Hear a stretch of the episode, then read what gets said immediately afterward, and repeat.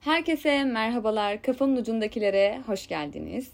Ben Şadet. Dostlarım Romalılar. Bugünkü konumuz Kemalizmin kökenleri ve şöylece şöylece Osmanlı modernleşmesine bir e, bakış. Neden bu konuyu seçtim? Aslında birkaç tane sebebi var. İlk sebebi hmm, şimdi toplumumuzu oluşturan, toplumumuzla alakalı bir şeyleri değerlendirirken, anlamlandırırken e, bunun tarihi sürecine bakmamız lazım. Ya da geleceğimizi daha iyi görebilmek adına geçmişi de çok iyi bilmemiz gerektiğini düşünüyorum. E, bize bir ufuk verir, bize bir perspektif verir. Birincisi bu. İkincisi de e, Kemalizm e, yine toplumumuzda böyle sıkça e, tabii ki kült mevzulardan biri. E, toplumumuzda çok fazla karşılığı bulan, yine belli güruhlu belli güruhların e, çok güçlü duygular beslediği bir konu. E, bunu anlamanın, bunu bilmenin e, bize faydalı olacağını düşündüm. Bir de bir şeyleri böyle bir şeylere çok güçlü duygular besliyorsanız karşısında ya da yanındaysanız fark etmez bu. Onun tam olarak ne anlama geldiğini bilmeniz lazım. Yani eğer yanındaysanız bunun neden yanında olduğunuzu ve aynı zamanda ne ifade ettiğini, ne anlattığını çok iyi bilmeniz lazım. Ya da karşısındaysanız neyin karşısında olduğunuzu bilmeniz gerektiğinden e, dolayısıyla e, bunu da e, kendi içerin kendi içinizde anlamlandırmanız gerekiyor. Fakat benim gördüğüm toplumda zaten büyük bir oranda ya popülist eylemler çok etkili. İşte bunun yanında ne bileyim aileden gördüğümüz düşünce yapıları daha çok e, insanların zihnini şekillendiriyor. E, ya da işte sosyal medya aracılığıyla edinilen bilgiler üzerinden herkesin kafasında böyle kaba taslak bir şeyler var. Fakat sorduğunuzda böyle bir soru sorduğunuzda tamam okey cevap alabiliyorsunuz ama ikinci ve üçüncü soruda artık bunun altının boşluğunu görüyorsunuz. Bu benim açımdan e, beni çok rahatsız etti işin gerçeği. Yani insanların karşınızdaki insanın neyi, neyi niçin savunduğunu bilmemesi bir yana e, savunduğu şeyin ya da nefret ettiği şeyin ne anlama geldiğini bilmemesi çok büyük bir ım, sağlıksız bir durum. Bu sebepten dolayı bu konuyu seçmek istedim. Şimdi öncelikle bir Osmanlı modernleşmesine genel bir bakış atalım. Ee, şimdi Osmanlı'nın tanzimata kadar e, ki süreci e, bir yana bir de tanzimattan cumhuriyete kadar bir süreci var. Şimdi tanzimatta Tanzimattan öncesini biraz konuşalım. Osmanlı artık zaten yavaş yavaş e, şeyi fark ediyordu. Yani e, çökmeye doğru gittiğini ve büyük kayıplar verdiğini anlıyordu ve dolayısıyla kendini bir şekilde ıslah etmeye çalışıyordu. Fakat Tanzimat'ın böyle e, Tanzimat'tan önceki yenilikler genelde böyle Osmanlı'nın geleneksel kurumlarını diriltmeye, ıslah etmeye yönelik çalışmalardı. E, ve şey Tanzimat'tan sonra artık Osmanlı yavaş yavaş Batı karşısındaki geriliğini şöyle düşünüyordu. Askeri olarak görmüştü aslında ilk etapta. Yani işte onlar askeri anlamda iyi. Dolayısıyla biz eğer onların e, askeri anlamda ilerlersek yetişiriz şeklinde düşünüyorlardı. Hatta bir hatırlarsanız bir dönem böyle albaylar vesaire yabancı e, insanlar gelmişlerdi. E, işte orduyu ıslah etmek için böyle düşünüyorlardı. Fakat bu zamanla farklı bir e, yön almaya başladı. Şimdi e, ilk etapta Osmanlı'nın geleneksel kuruluşlarını diriltmeye, dönmeye şeklinde bir eğilim vardı. Fakat zamanla e, bu artık e, yavaş yavaş e, Osmanlı'nın şey e, Tanzimat'ın işte Batı kurumlarının e, ne bileyim eğitimini, işte hukuk anlamındaki yönlerini e, de almaya başladı. Böyle olunca ne oldu? Şimdi Batı hep pozitifle hareket ediyor, pozitif bilimlerle. Bir şekilde şunu düşündüler. E, şöyle bir daha doğrusu ikircikli bir durum ortaya çıktı. Acaba işte devletin temelini oluştu, temel e, dinamini oluşturan e, din ile çatışıyor mu bu Batı kurumlarının e, yapısı? E, ya da Tam tersi bu ikisini bağdaştırıp e, kurabilir miyiz? Ya da kimi de şöyle düşünüyordu. İşte biz Osmanlı Devleti'nin e, geleneksel kurumlarını ihya edelim. Yani geleneksel kurumlarını ıslah etmeye devam edelim gibi düşünülüyordu. Fakat zamanla bu ikircikli durum artık şöyle bir hale evrilmeye başladı ve hani e, Batı'nın her anlamda üstünlüğünü e, kabul etmeye başladık ve bununla birlikte e, bunun da ilim ve fenden geldiğini dolayısıyla pozitif nitelikli bir ilerleyiş olduğunu ve e, bizim de eğer bu pozitif anlamda onlar gibi ilerlersek veya pozitif pozitivizmi biliyorsunuz Auguste Comte'un öncüsü eğer baz alırsak biz de e, ilerleyebiliriz. Peki şimdi Osmanlı'nın e, Tanzimat'tan önceki yönetim şekli ademi merkeziyetçiydi. Ademi merkeziyetçi değil bu arada. Ademi merkeziyetçi. E, büyük bir imparatorluk Osmanlı. Zaten tek derdi de ne? Genel itibariyle işte imparatorluk büyüsün, gelir, gelirler artsın, savaş anlamında kendimizi koruyalım. E, zaten de zaten de çok büyük bir e, şimdi milletler var. Çok büyük bir imparatorluk olduğu için e, tekelden yönetim de biraz e, zor zaten. Daha çok böyle bu tarz şeylere odaklanılıp e, iç işlerine pek karışılmıyordu. Biraz şey gibi düşünebilirsiniz. Ademi merkeziyetçilik demek böyle yerel yönetimler demek. Yani Amerika'nın şimdiki eyalet sistemine aşağı yukarı benzer diyebiliriz. Birazcık böyleydi.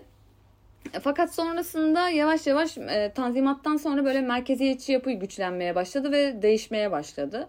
E, bu merkezi merkeziyetçi yapı güçlenirken şimdi merkeziyetçi yapının ne kadar çok söyledim bunu. Bu yapının e, getirdiği bir takım e, şeyler var, durumlar var. Bunlar da ne? Bürokrasiyi oluşturuyor. Bürokrasi ne demek? İşte e, yönetici, yeni bir yönetici sınıfın olmaya başlaması. Peki bunlar kim? Bunlar da böyle tanzimat aydınlarının e, yerini alan e, yeni bir yönetici sınıf. E, tanzimatın çocukları. Kimler, bunlar kim dedik? E, bunlar bizim Jön Türk abilerimiz. Jön Türk abilerimizi nasıl tanımlayabiliriz? Şimdi Jön Türk abilerimiz de aslında tanzimatın çocukları. Bu çileleri çekmişler. Aslında aileleri ve kendileri düzene böyle çok bağlı değiller. E, aynı zamanda böyle düşük gelirli ya da orta sınıfa mensuplar e, işte gidişattan memnun değiller. İşte devlet nasıl kurtarılır sorusunun cevabını anlıyorlar. Ya zaten bu arada bu düşük gelirli orta sınıf derken zaten böyle e, eğer sınıflardan bahsedecek olursak yani e, üst sınıfları çok dokunan bir şey olmuyor genelde. Bu atıyorum otoriteyi değiştirelim, işte düzen verelim. Genelde insanlar daha çok topluluklar da diyebiliriz bunu artık ne, ne şekilde adlandırırsanız. Onu rahatsız etmiyorsa, ona dokunmuyorsa çok fazla böyle e, şeyden çıkmamıştır. Üst sınıflardan böyle çok kallavi hareketler göremezsiniz. Genelde orta ve düşük gelirli sınıflara mensuptur bu böyle radikal değişimleri isteyen. E, zaten hatta hatta zamanla bu düşük gelirli ve orta sınıftan çıkıp e, işte bir şekilde üst sınıf olan insanların da bu radikal değişimler isteklerinden vazgeçtiğini ve farklı bir e, duruma doğru evrildiğini görürsünüz. Bu çok gerçekten e, farklı bir durum. Ha tarihte var mıdır böyle çok belki üstünü olup e, bir şeylerden vazgeçip ya da böyle sistemi dev, e, işte sistemi ve da şeyi değiştirmek isteyenler. Çok az kişiler var. Gerçi tarihte bunun örnekleri var. Bilmiyorum. Bu da geliyor direkt benim aklıma ama o da ne kadar sağlıklı bir örnek bu durumda bilmiyorum. E, dolayısıyla e, Jön Türklerin e, bu durumdan e, mütevellit ortaya çıkması zaten çok normal. Peki bu Jön Türk abilerimiz bir de böyle görece eğitimli işte hatta görece de fazla olur eğitimli işte böyle Fransa'ya gidiyorlar. Fransız devrimi orada başladığı için Fransa çok popüler zaten. Daha doğrusu devrim Fransa'da başladı ve oradan yayıldığı için daha çok Fransa dikkate alınıyor. Çünkü neden? diyoruz ki ya bu Fransa'da durumlar iyi gidiyorsa, onun bu yaklaşımları sonuç verdiyse Demek ki biz aynısını e, kendimiz de e, bunu uygulayarak e, ıslah edebiliriz kendimizi. Çünkü soru şuydu, en önemli soru şu, devlet nasıl kurtarılır? Ve aslında bu Jön Türklerde de böyle radikal bir karşılık buluyor. Onlar diyorlar ki, devleti kurtarmak için iyi bilen e, aydınların halka doğru giderek halka aydınlatması. E, aslında bu birazcık şey böyle, halka rağmen halka aydınlatalım. Yani bir yandan ne yapsın e, adamlar bilmiyorum. ben bir miktar hak verdim.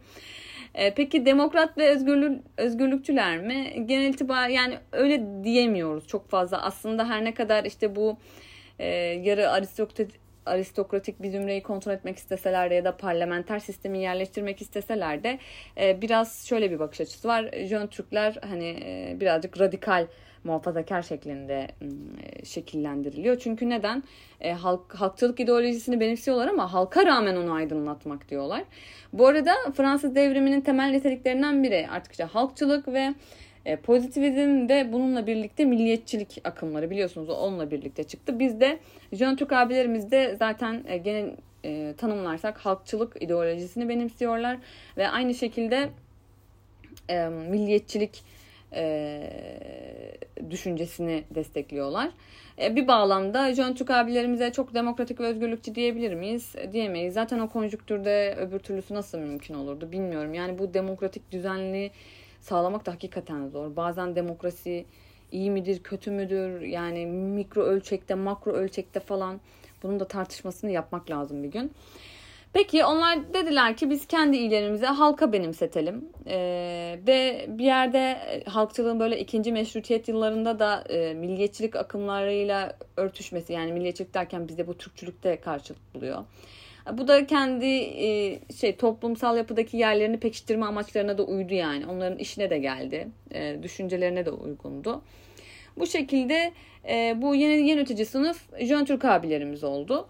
E, peki Jön Türk abilerimizin bu e, radikal e, istekleri, radikal yenilikleri toplumumuzda e, meydana getirmesi e, Cumhuriyet'in e, aslında Cumhuriyet'le birlikte artık e, Kemalizmin e, teslim aldığı ögeler olarak tanımlayabiliriz. Yani Cumhuriyet'le birlikte artık bu e, ideolojiler e, Kemalizme dönüştü. Kemalizmin düşünce mirasını oluşturdu ve bununla birlikte tanz, yani Tanzimat'tan Cumhuriyet'e kadar e, herkesin temel problemi şuydu. Jön Türk abilerimiz de diğerleri de biz bu e, vatanı nasıl kurtarırız, nasıl ıslah ederiz şeklindeydi. Artık Cumhuriyet'le birlikte e, devleti devleti e, kurtarma düşüncesi ortadan kalktı. Zaten biliyorsunuz hani Atatürk deyince direkt hemen e, aklımıza gelen birkaç şeylerden biridir. E, muasır medeniyetler seviyesine ulaşma düşüncesi. Cumhuriyetle birlikte bu düşün, bu düşünce e, daha da güçlendi ve devleti kurtarmak değil, muasır medeniyetlere nasıl çıkabiliriz? Onlarla nasıl her zaman eşit seviyede oluruz e, düşüncesi e, yer almaya başladı. Ee, evet durum böyle yani tanzimata kadar e, tanzimattan cumhuriyete kadar e, bu Kemalizmin ortaya çıkış süreci biraz bu Jön Türk abilerimizin e, bıraktığı mirasla birlikte meydana geliyor. Düşünce mirasından bahsediyorum. Şimdi bundan sonraki konuda Kemalizmin ilkeleri. Bence bu da çok önemli bir konu. E, fakat şimdilik bu podcast'i burada noktalayacağım. E, umarım e, anlaşılmıştır e, demek istedim. Ay çok fazla ığladım ya bu arada. yani burada önemli nokta şuydu e, Kemalizm ilkeleri Kemalizme gelmeden önce işte bu Osmanlı'nın modernleşme sürecinde e, Fransız devrimiyle birlikte Jön Türk abilerimiz dediler ki biz bu ülke için e, radikal değişiklikler istediler ve bunu ko- koşulsuz şartsız olarak Fransız devriminde e, güçlü olan akımlar işte milliyetçiliği örnek aldık pozitivizmi temel alarak bu ıslah e, düşüncesini bu şekilde halka rağmen halka e, yerleştirmeye çalıştı. E, bunun aslında işte Kemalizmin e, neşvi neması da bu şekilde bu daha doğrusu e, kendine ona miras bıraktığı düşüncelerde böyle meydana gelmiş oldu. Bunu anlatmak istedim. Bunları bilmek önemli. Yani gerçekten e, tarih konuşurken ya da tarih konuşmazken gündelik hayatta da bizim toplumumuzda çok fazla hmm, biz her şeye dahiliz böyle çok fazla siyaset konuşuluyor ya da çok fazla bir de yapı itibariyle herkes her şeyi çok biliyor. Ama neyin için bildiğini, neyin ne olduğunu aslında tam olarak da bilmiyor. Ya da dünyanın gözünden bilmiyor. Sadece kendi gözünden biliyor.